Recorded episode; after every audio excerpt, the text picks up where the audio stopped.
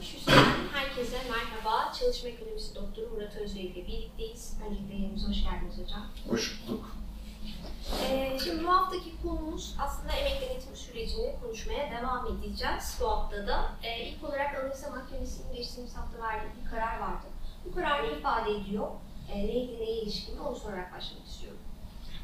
Anayasa Mahkemesi'nin kararı aslında büyük bir ilgi ve sevinç de yarattı. Kararın başlığı önemli.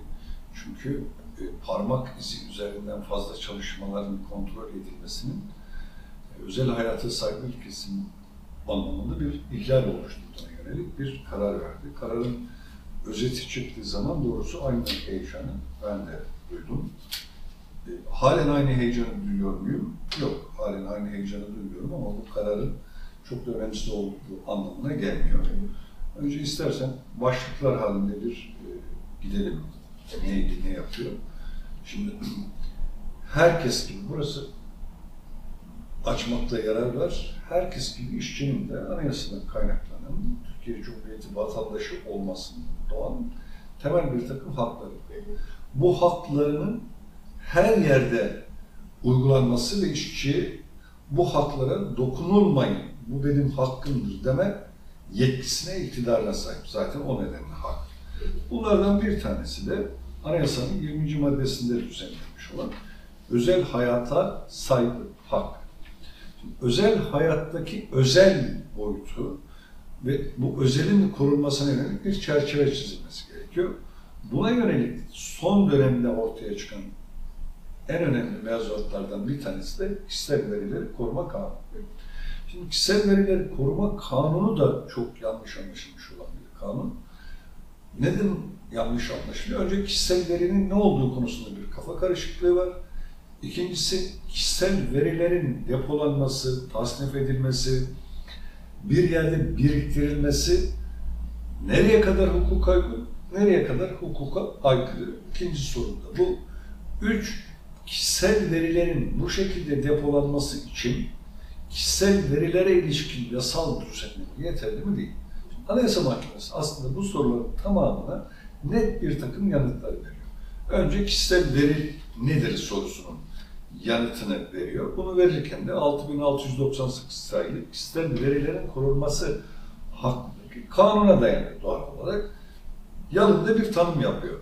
Kimliği belirli veya belirlenebilir, gerçek kişiye ilişkin her türlü bilgi. Kimliği belirli veya belirlenebilir, gerçek güzel kişileri yani hukukun kişilik atfettiği örgütlenmeleri, sendika gibi, şirketler gibi, iş yeri gibi onları bir tarafa bırakıyoruz. Gerçek kişi olacak, gerçek kişinin de herhangi bir yaş vesaire sınırı da yok. Her türlü bilgi, adı, soyadı vesaire hepsi bu her türlü bilginin içerisine giriyor. Kişisel verinin birincisi bu. Ama daha daraltılmış bir kişisel veri tanımı ki bu özel nitelikli kişisel veri olarak adlandırılıyor. Özel nitelikteki kişisel verilerle diğer kişisel veri işlenmesi, alenileştirilmesi farklı hukuki statülere tabi tutulmuş. Ne bunlar? Kişilerin ırkı, etnik kökeni, siyasi düşüncesi, felsefi inancı, dini, mezhebi veya diğer inançları, kılık ve kıyafeti, dernek, vakıf ya da sendika üyeliği, sağlığı, cinsel hayatı, ceza mahkumiyeti ve güvenlik tedbirleriyle ilgili verileri ile burası kararın şeyini oluşturuyor asıl kilit noktasını. Biyometrik ve genetik veriler özel nitelikli kişisel verilerdir. Biyometrik ve genetik verilerin özel nitelikli kişisel veri. Şimdi özel nitelikli kişisel veri dediği andan itibaren o zaman geliyoruz. Parmak okuma nasıl bir veridir? Burada da Anayasa Mahkemesi Avrupa İnsan Hakları Mahkemesi'ne atıf yapıyor. Diyor ki Avrupa İnsan Hakları Mahkemesi parmak okumayı biyolojik örneklerin almasını, genetik profillerin alınmasını özel nitelikli kişisel veri olarak tarif etmiştir o halde özel nitelikli kişisel veri ise açık rıza gerekecek ya da açık rıza verilmese de bu parmak basma yoluyla bir denetim mekanizmasının kurulabilmesi için kanun gerekecek. Şimdi olay ne? Olay şu. Aslında memur olarak çalışan bir belediyede memur olarak çalışan birisi var. Fazla çalışmalara gelip gelmediği, kaç saat fazla çalışma yaptığının parmak iziyle tespiti istenmiş.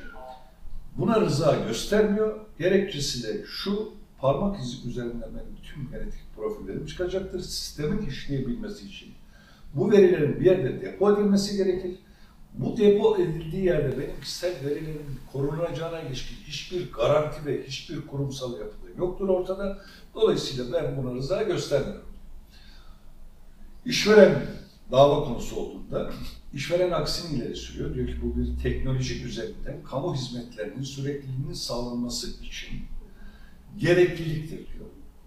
İlk aşamalardaki mahkemeler aynı şeyi söylüyorlar. Diyorlar ki teknolojinin verdiği olanakları sağlayarak kamu hizmetinin niteliğini arttırmak için kamu çalışanlarının teknoloji üzerinden bu şekilde denetlenebilmesi kişisel verilerin açıklanması sınırlarının içerisine girmez. İşlem hukuka uygundur deniliyor. Tüm bu yargı safhası bittikten sonra konu Anayasa Mahkemesi'nin önüne bu vesileyle. Anayasa Mahkemesi parmak okutma üzerinden bir denetim yapılamaz demiyor. Çünkü karar böyle anlaşıldı. Onun altını ısrarla çiziyor. Anayasa Mahkemesi diyor ki evet teknolojik nedenlerle kamu hizmetinin iyileştirilmesi için ana fikri o da kabul ediyor. Parmak izi üzerinden bir denetim yapılabilir. Ancak diyor bu denetimin yapılabilmesi için özel nitelikli kişisel veri olduğu için bazı ön önlemlerin alınması gerekir diyor. Onlardan bir tanesi anayasanın 20. maddesine atıf yapıyor. Özel hayata saygı. Özel hayata saygı anayasal bir hüküm olduğu için bu hükmün sınırlandırılabilmesi yine anayasanın 13. maddesindeki hükümlere tabi. Ancak kanunla sınırlanabilir diyor. Ve bir adım daha atıyor. Ahim kararından hareketle madem ki bu özel nitelikteki bir kişisel veridir diyor. Aynen okuyayım. Avrupa İnsan Hakları Mahkemesi parmak izlerinin biyolojik örnekleri ve genetik profilleri kişisel veri olarak nitelendirmiştir. Madem öyleyse diyor, o zaman anayasanın 20. maddesinde güvence altına alınmış özel hayata saygı hakkını anayasanın 13. maddesine göre kanunla sınırlandırabilirsin. Kanunluk ilkesi, özel hayata saygı ilkesi, özel hayatın konutun dokunulmazlığıyla sınırlandırılamaz diyor. Kişinin mahremiyetinin korunması da özel hayata saygının içerisine girer. Mahremiyetin içerisinde de kişisel özel verilerin tamamı bunun içerisine girer. İşte biyolojik örneklerin alınması, genetik protik, e, profillerin alınması, parmak izidir. Bu anlamda mahremiyet kapsamının içerisinde korunması gereken bir özel nitelikli veridir diyor. Çok mu karışık anlatıyorum bilmiyorum. Şimdi Yok hayır, oldukça net. Peki tam burada şey sormak istiyorum. Yani mevzuatta bir eksiklik var müdür burada? Evet, mevzuatta eksiklik olduğunu söylüyor Anayasa Mahkemesi. Diyor ki 20. madde özel hayata saygı, özel hayata saygının içerisine mahremiyetin korunması da girer. Parmak izi mahremiyeti olan bir kişisel veridir. Böyle tercüme edeyim. Mahremiyeti olan bir kişisel verinin depolanması, saklanması, kamu hizmeti amacıyla da olsa ancak yasayla yapılır. Bu kanunilik ilkesi gereğidir. Kanunilik ilkesini de sadece bir kanunla biz buna izin verdik demekle olmaz. Bu kanunun erişilebilir, anlaşılabilir, açık olması ve o veri sahibinin ulaşılabilir olması gibi bir takım alt unsurları vardır.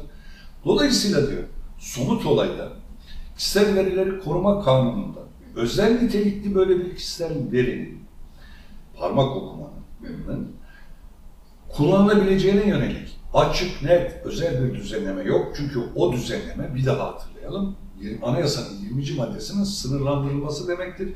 Sınırlandırılacak bir hükmün açık, net olması lazım anayasanın 13. maddesine. Böyle bir sınırlandırma içeren veri, yani kişisel veriler kanununda böyle bir düzenleme yok. Çalıştığı belediyeler kanununda da böyle bir düzenleme yok diyor. Kullanılabilir deniliyor ama bu nitelikte bir kişisel veriye yönelik kullanılabilirlik ifadesi yok diyor. E, peki devlet memurları kanunu orada da yok diyor. O nedenle de kanunilik ilkesine aykırı bulduğu için, kanunla düzenlenmediği için Bu somut olayda Anayasa Mahkemesi ihlalin olduğunu söylüyor. Tam söylediği cümle. İncelenen başvuru kanuni dayanağı olmaksızın özel nitelikli kişisel verilerin idare tarafından işlenmesi nedeniyle özel hayata saygı kapsamındaki kişisel verilerin korunmasını isteme hakkının ihlal edildiği sonucuna ulaşılmıştır. Dolayısıyla ihlalin idarenin işleminden kaynaklandığı anlaşılmaktadır. Bununla birlikte mahkemelerde ihlal giderilmemiştir. Toparlıyorum. Bu veriler kullanılamaz deniyor. Bu verilerin kanunilik ilkesine aykırı bir şekilde kullanması ihlal oluşturur. Peki tam bu noktada siz ne düşünüyorsunuz? Yani nasıl yorumluyorsunuz? Hem Anayasa Mahkemesi'nin kararı hem de olması gereken nedir sizce? Anayasa Mahkemesi'nin kararının e, dar bir yorum olduğunu düşünüyorum. Özel nitelikteki kişisel verilerin kanunla kullanılabilir olması, yani anayasadaki 20. maddenin Anayasa Mahkemesi'nin ifadesiyle kanunla sınırlandırılabilmesi için de başka ölçütler de gerekli. Yani özel hayata saygı duyulmasına ilişkin bir haksa hakkın özüne dokunacak şekilde kanuni düzenleme yapılamaz. Eğer ben tekniğini bilmiyorum, parmak izi dünyada da böyle kabul edilmiş. Ahim tarafından da böyle kabul edilmiş. Ve benim tüm genetik özelliklerimi yansıtan sadece bana özgü bir veri ise ki öyle, o halde bunun kanuna da olsa kullanılması bana göre 20. maddenin özüne aykırı bir sınırlama getirecektir. Yani sadece kanunilik ilkesi üzerinden değil, hakkın doğası gereği de bu işlemin yapılmaması gerekir diye bir karar vermiş olsa idi ilk heyecanımızla şimdiki heyecanımız arasındaki paralellik sağlanmış olacak. Ama böyle bir şey demiyor. Peki. Ee, şimdi hocam aslında emek denetim sürecine ilişkin şöyle bir tablo var. İş yerlerinde özellikle e, pandemi döneminde kalıcı hale getirilen, e, yani başlayan ve şimdi de aslında bütün önlemler esnekleştirilmişken, normal bir yaşama ve normal bir üretim sürecine dönülmüşken hala devam eden kimi uygulamalar var. Şimdi programımıza Ford Otosan'da çalışan e, işçilerden bir soru geldi. Yani pandemi dönemiyle birlikte yemekhane, soyunma odaları, servisler, buralarda işçiler barkod tutuyorlar. Parmak izi değil ama bir barkod tutma sistemi var. Ee, ve gittikleri her yerde bu barkodunu tutmak zorundalar. Yapmadıkları takdirde uyarı oluyorlar. Ee, işte kimliğin e, yani uygulamalarla karşılaşıyorlar. Yani bunun yasal olup olmadığını soruyorlar. Aslında bu Anayasa Mahkemesi'nin kararı üzerinden değil ama yani bir emek yönetim sürecinin bir parçası olarak barkod tutma meselesi yasal mıdır? Barkodda neyi okuttular? O, Evet. o barkod okuyunca neyi sağlıyor şeyler? Yani Ee, işverenin aslında o işçinin o esnada nerede olduğunu bilmesi. nerede olduğunu bilmesini mi sağlıyor yoksa işte bir e, Covid olup olmadığına yönelik Ee, şey? şöyle, servise bindiği andan itibaren COVID olup olmadığına ilişkin bir şey, bir anket dolduruyor. Ama sonrasında iş yeri içerisinde işçinin nerede olduğu. Yani aslında o alanda kaç işçinin bulunduğu.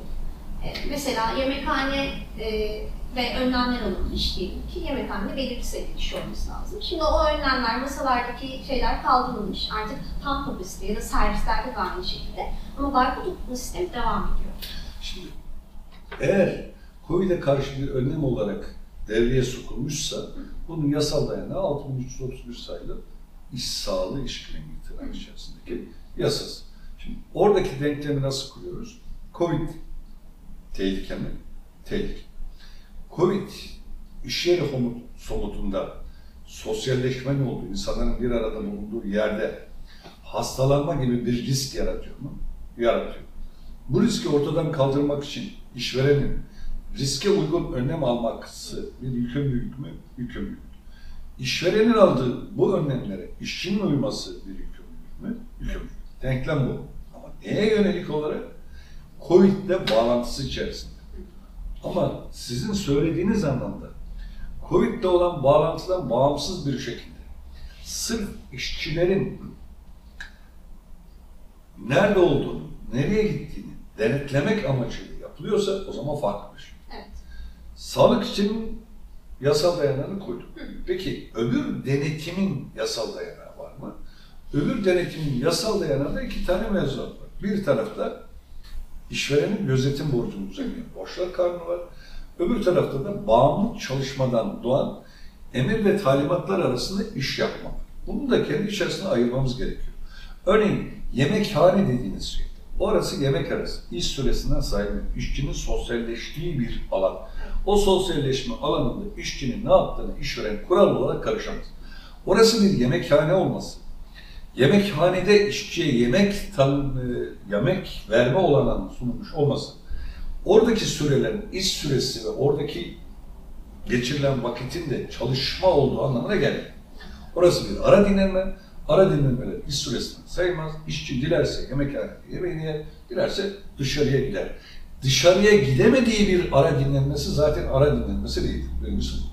Yemekhanede bunu yapamaz. İki, üretim alanında yapabilir. Şimdi bu çok tartışılan bir şey. İşçinin mahremiyet hakkı dediğimiz hak, sadece iş yerindeki, e pardon, evindeki perdeleri çekerek sağladığı bir hak değil.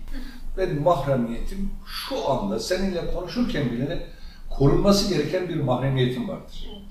Hatta birebir ilişkilerde bile vardır. Örneğin bana gözünü dikerek bakılması, mahremiyetimin ortadan kaldırılmasıdır. Ya da benim gözlerim şaşıyor.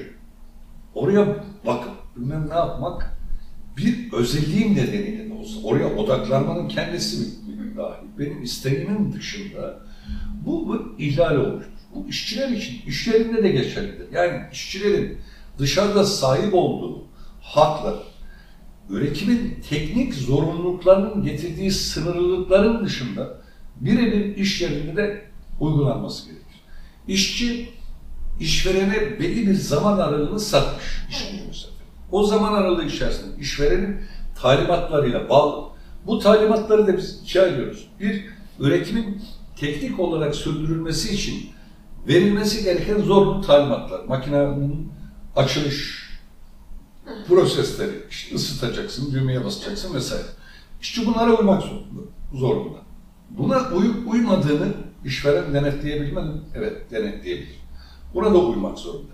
İkincisi, iş yerinde birden fazla insan çalıştığı için, orada da bir takım sosyal ilişkiler kurulduğu için, o sosyal ilişkilerin her zaman sorun çıkarma, çatışma çıkarma potansiyelini de kendi içinde barındırdığı için, bir düzen sağlamak için işvereninin iş yerlerinde işçilere uyulması gereken kuralları belirleme hakkı da vardır.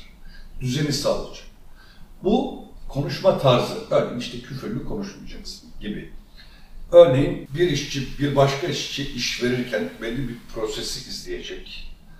Örneğin işte amirine gitmeden önce ara kademedeki bilmem kime gideceksin ki bunlar da tamam. Ama bunun ötesine taşıyan yani iş yerinde düzenin sağlanması, bak düzen dikkat ederken e, üretimin daha karlı, işçinin kıpırdayamaması açısından değil, işçiler arasında sorun çıkmaması iş yerinde bir kargaşa yaratılmaması için, işçilerin davranışlarının belli standartlara ya da belli kalıplara dökülmesine yönelik kurallar artık teknik zorunluluklar. Bunun ötesinde işverenin herhangi bir işçi üzerinde denetimi kurabilecek geliştirdiği mekanizmaların bana göre hukuki dayanağı yok. Peki yasal yol açık mıdır? Yani buna itiraz edebilir işçiler? Şimdi bakın, benim kişilik haklarıma yönelik hukuka aykırı her müdahale, saldırıdan özellikle diyorum, saldırı hayır, her müdahale tazmini gerektiren bir olaydır. İki yaptırımı vardır. Bu müdahale nedeniyle maddi bir zarar yaşamışsam maddi tazmin. Hiçbir maddi zarar yaşamamışsam manevi tazminat. İsteme hakkına sahip. Ama bakın bu teorik bazda böyle. Başka ne var? Benim kişilik haklarıma yönelik işveren tarafından gelen haksız bir saldırı varsa şu anki mevzuat açısından söylüyorum. Hak nedenlerle iş sözleşmesine sona erdirme hakkım var. Ama Türk hukuk uygulaması bir genel ortalamadaki davranış kalıplarını makul görerek şekillendirildiği için bazı işçilere, hep onu örnek veriyorum pardon, Amerika'da bilmem kaç milyon dolarlık tazminatı gerektiren sinkaflı bir konuşması işverenin Türkiye'de bin liralık bir manevi tazminatı gerektirebiliyor. Bir şeyler lüks olarak görülebiliyor. Bunun için ciddi bir mücadele verilmesi lazım. Çünkü bu bazen kasten de yapılmıyor. Yani makul olan, olağan olan bu olarak görüyor. Kim öyle görüyor? İşçi öyle görüyor. İşveren öyle görüyor. işçi dava açtığında yargılamayı yürüten yargıç öyle görüyor, bilirkişi öyle görüyor, avukat öyle görüyor, yukarıya kadar gidiyor. Şimdi bu görülene karşı ciddi bir mücadele verilmesi gerekiyor. Yok öyle değil denilmesi gerekiyor. Benim kişilik haklarım, işte mahremiyetim, kişi dokunulmazlığım şu sınırlar içerisindedir. Bu sınırlara müdahale yaptırımı gerektirir bir mücadelenin verilmesi lazım. Bugün ben desem ki örneğin soruyu sorar arkadaşlara ya bak bu barkod okumak ya da bilmem ne senin kişiliğin üzerinde hukuki sınırın aşı, aşacak şekilde bir baskı kurmaktır, bu manevi tazminatı gerektirir desem ve yarın o işçi gidip davayı açsa çok büyük olasılıkla bu davayı kaybedecektir. Şimdi o zaman ne olacak? Ya ben yanlış olacağım ya mahkeme yanlış olacak. Ama ben ne kadar doğru olursam olayım, mahkeme tarafından bu bir karar haline gelmediği sürece ben yanlış olmuş olacağım. Ben yanlışımda ısrar edeceğim, işçi benimle bu yanlışta ısrar etmekte kararlı olursa, ben derken bunun mücadelesi verenleri kastediyorum, yavaş yavaş bu hakkın bilince çıkması söz konusu olacak. Ama somut soru üzerinden konuşacak olursak, eğer barkod okutmak Covid salgınıyla bağlantısız bir şekilde yapılıyor ve ölçüsüz bir denetim mekanizması kuruluyor ise bence bu işçinin kişilik haklarına yönelik haksız hukuki saldırıdır. İşverenin yönetim hakkını sınırdan aşıyor demektir. Böyle bir hak yoktur.